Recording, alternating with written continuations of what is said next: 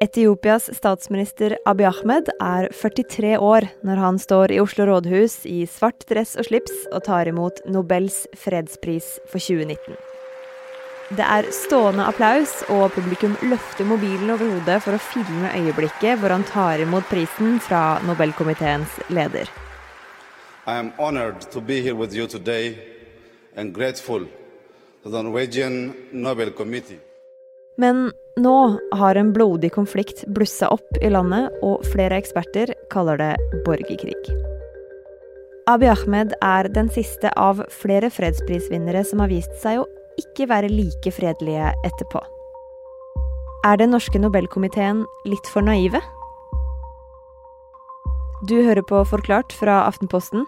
Jeg heter Anne Lindholm, og i dag er det tirsdag 17. november. Du har fem-seks ulike retninger på fredsprisen. Det sier Harald Stanghelle, kommentator i Aftenposten. Du har eh, fredsavtaler, du har pågående prosesser, du har eh, dissidenter som har gjort opprør mot autoritære regimer. Liu Xiaobo-prisen er av det. Du har miljøprisene, som begynte allerede på 60-tallet med Norman Borlaug, eh, Wagare Mantai i Kenya, Al Gore og, og FNs klimapanel. Eh, og du har også de institusjonelle prisene, som er gått til internasjonale organisasjoner for et godt arbeid. Så i alle fall kan jeg snakke om fem seks, sju ulike eh, fredspristyper. Og det er akkurat det som har gjort nobelprisen så uforutsigbar, så spennende, og dermed som har gjort det til den mest prestisjetunge av alle de tusenvis av fredspriser som blir delt ut hvert eneste år. I fjor så var det Etiopias statsminister Abiy Ahmed som vant. Abiy Ahmed-prisen er jo til en pågående prosess. Det er risikabelt, eh, nærmest dumdristig av og til, å gi det til eh, ledere som står midt opp i kompliserte prosesser. Den fikk han for fredsprosessen med nabolandet Eritrea og presidenten der, Isayas Afwerki. I accept this award En av dem som var kritiske da, var Kjetil Tronvold.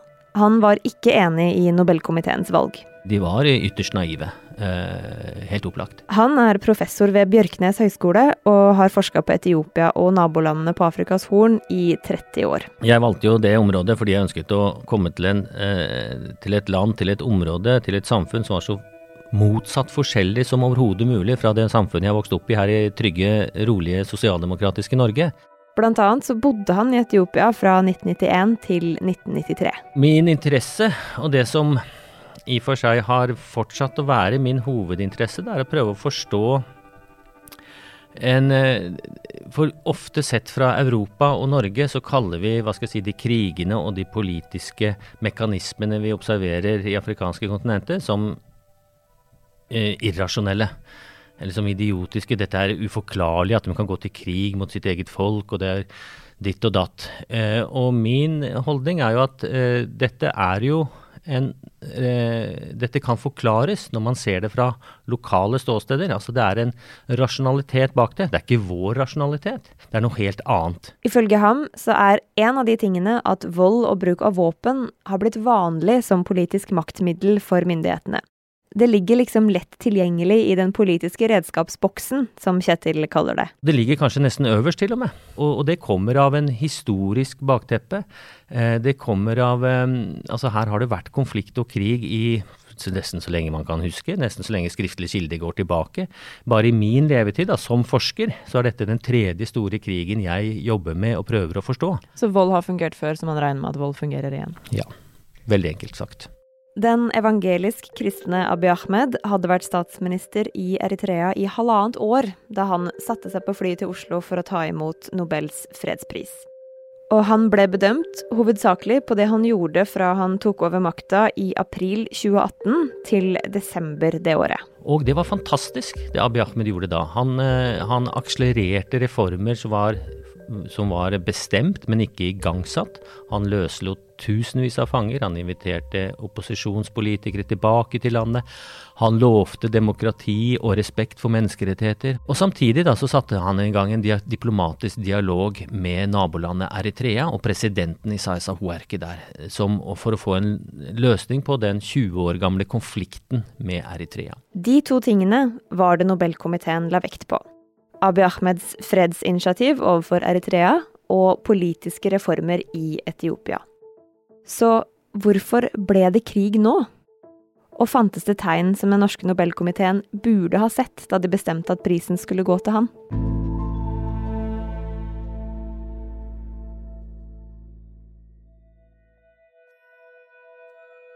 Landet Etiopia ligger på det som kalles Afrikas Horn. Det er den tuppen øst på kontinentet som lener seg opp mot den arabiske halvøy. Etiopia er et av de få landene i Afrika som ikke har vært noen koloni, og er verdensdelens nest mest folkerike land. De har bygga ut en del vannkraft og tjener mye av pengene sine på å eksportere kaffe til bl.a. Norge. Nord for Etiopia ligger Eritrea, som de hadde den lange konflikten med, og som Abiy Ahmed fikk fredspris for å rydde opp i. Og på Etiopia sin side av grensa ligger en region som verken Eritrea eller regjeringa i Etiopia har et særlig godt forhold til. Det er Tigray-regionen, hvor partiet med makta er The Tigray People's Liberation Front, eller TPLF. En av de sentrale tingene som Abiy Ahmed gjorde for å få slutt på grensekonflikten med Eritrea og presidenten der, Afwerki, var å hive TPLF ut av styringa i hovedstaden. De to tidligere statsministrene hadde gjentatte ganger eh, spurt om dialog for å lage fred med Isaias Afwerki, men var blitt avvist alle ganger. Så kom Abiy Ahmed og sa egentlig akkurat det samme. Og Isaias Afarki av Eritrea sa ja, la oss gjøre det. Så hva betyr det? Det betyr at han representerte en annen politisk fragmentasjon, en annen politisk elite i landet. Han kom fra oromoene, og ikke Tigray og eh, nord i landet. Så det at hans, presidenten av Eritrea så at Abiy Ahmed representerte en annen politisk bevegelse, samtidig som da Abiy Ahmed prøvde å marginalisere TPLF ut av regjeringskontorene i Addis Abeba, det var nok hovedgrunnen til at Isaias aksepterte det fredsinitiativet. Han sa at her har vi type en felles fiende. La oss jobbe sammen for å videreføre marginaliseringen av TPLF. Men hvilke tegn burde den norske Nobelkomiteen ha sett da, mener du? Det er legitimt å gi prisen til Abiy Ahmed på det han gjorde i 2018. Men så skal man huske at Nobelkomiteen tok først avgjørelsen i oktober 2019. Og da fra januar av 2019 og ut det året, så så man at vel, for det første fredsprosessen med Eritrea den stoppet i slutten av desember den 2018. Da stengte Isaias Afwerki grensen mot Tigray. Eh, og da forsto man at her lå det andre årsaker til enn en ønske om fred på bakken. Eh, det var da de politiske reformene han satte i gang i, etter han kom til makten, det begynte å halte og svekke seg i 2019. Han var mer kritisk til opposisjon og journalister og frie media i 2019. Og han begynte da en eh, politisk eh, eh, forfølgelse, kan du si, av den tidligere eliten. Og samtidig som han forandret en del av sin politikk. Så det var, jeg vil si at det var flere elementer man kunne ha tatt tak i og gått mer i dybden på å si hva, hva betyr dette for for eh, Abiy Ahmeds fredsinitiativ og bakgrunnen for eh, prisutdelingen, da. En mann med hvitt skjegg og sixpence går i sandaler og lener seg på en stokk i sanda. Og han holder en paraply over huet for å beskytte seg mot den sterke sola. Han og rundt 25 000 andre fra Tigray-regionen i Etiopia har flykta over grensa til Sudan. På et senter som er bygga for 300 mennesker, må de nå hjelpe flere tusen. Uh, um, nå er Etiopia i det du kaller en fullskala borgerkrig. Ja. Hvordan havna de der? Det var ganske klart tydelig eh, rett etter at Abiy Ahmed dro tilbake fra Oslo etter å ha fått prisen. Det han gjorde uken etter, var å, var å oppløse det gamle regjeringspartiet og etablere et nytt parti. Da startet i og for seg krigen. Eh, da gikk TPLF ut av det nye partiet og sa at, eller sa rett og sagt at vi kan ikke være med. Dette bryter både mot det vi mener er ideologisk riktig, mot vår politikk, men det bryter også mot Etiopias lover, sa de, hvordan dette partiet, det nye Prosperity Party, herlighetspartiet eh, til Abiy Ahmed, ble etablert. Og det var en veldig sterk retorikk da fra begge sider rundt dette. Abiy Ahmed følte nok han hadde med et, et internasjonalt mandat fra Oslo til å gjennomføre dette ganske kvikt og effektivt. Senere, i 2019, eh, så ble valget da utsatt, eh, som skulle gjennomføres i mai i år, eh, til august først, pga. en sendrektighet i planlegging fra valgkommisjonen. Men så ble det da utsatt på ubestemt tid pga. koronaepidemien. Og det er fair enough, kan du si. Det er mange land som utsatte, utsatte sine valg. Men det var en grunn som TPLF i Tigray-regionen ikke godtok.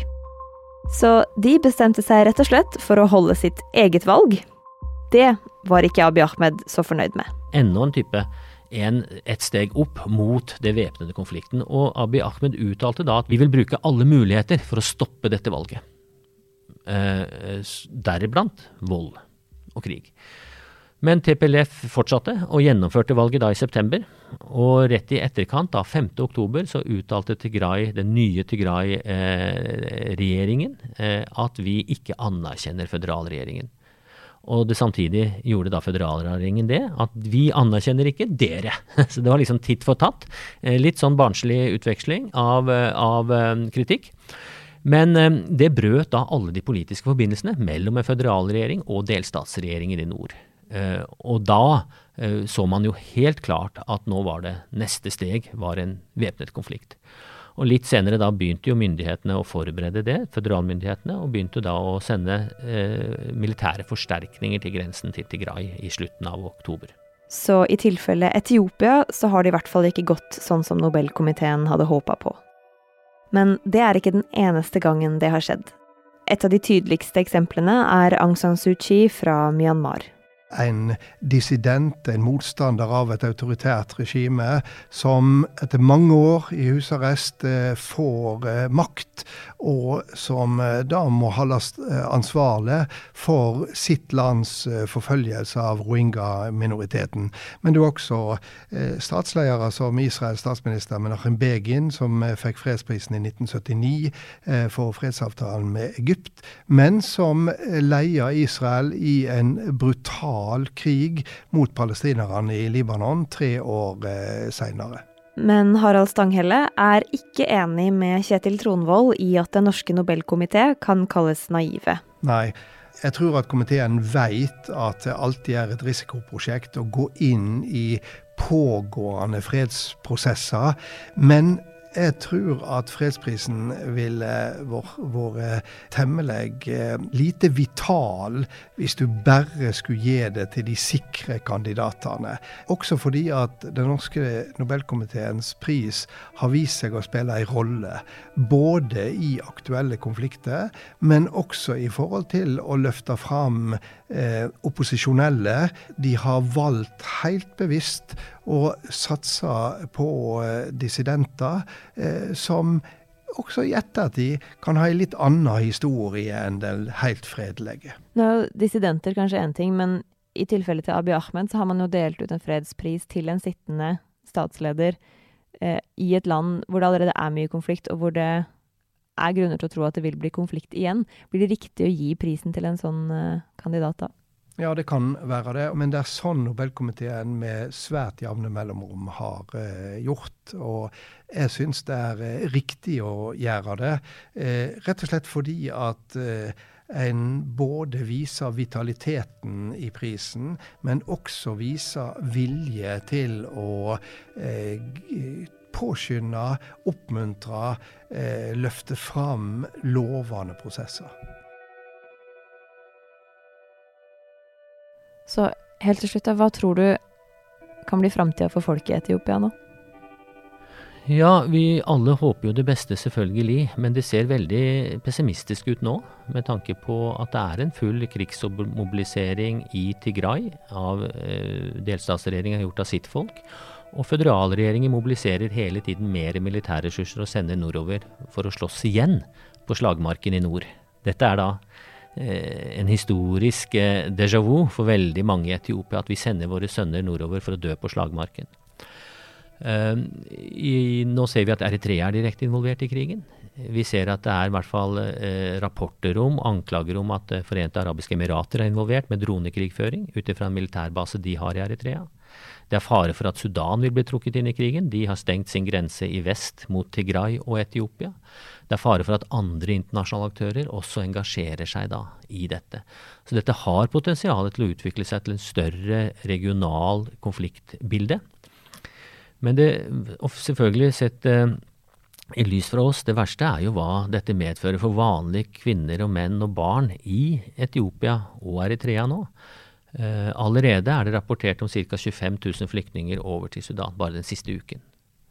Eh, og FN har kommet ut med estimater som sier at det er potensialet her at det er ni millioner mennesker som vil være skadelidende humanitært ut ifra den konflikten vi ser i dag. Ni millioner mennesker. Og når denne krigen en gang tar slutt, enten på slagmarken eller på forhandlingsbordet, hva vil det medføre da av tillit til staten Etiopia?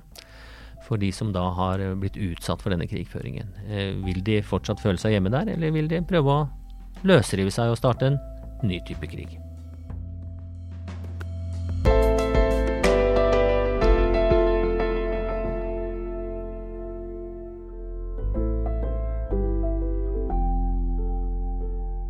Den episoden her er lagd av produsent Fride Nesten Nonstad og meg, Anne Linn Holm. Resten av Forklart er Caroline Fossland, Marit Eriksdatter Gjelland og David Vekoni. Du har hørt lyd fra nyhetsbyrået AP og Nobel AB.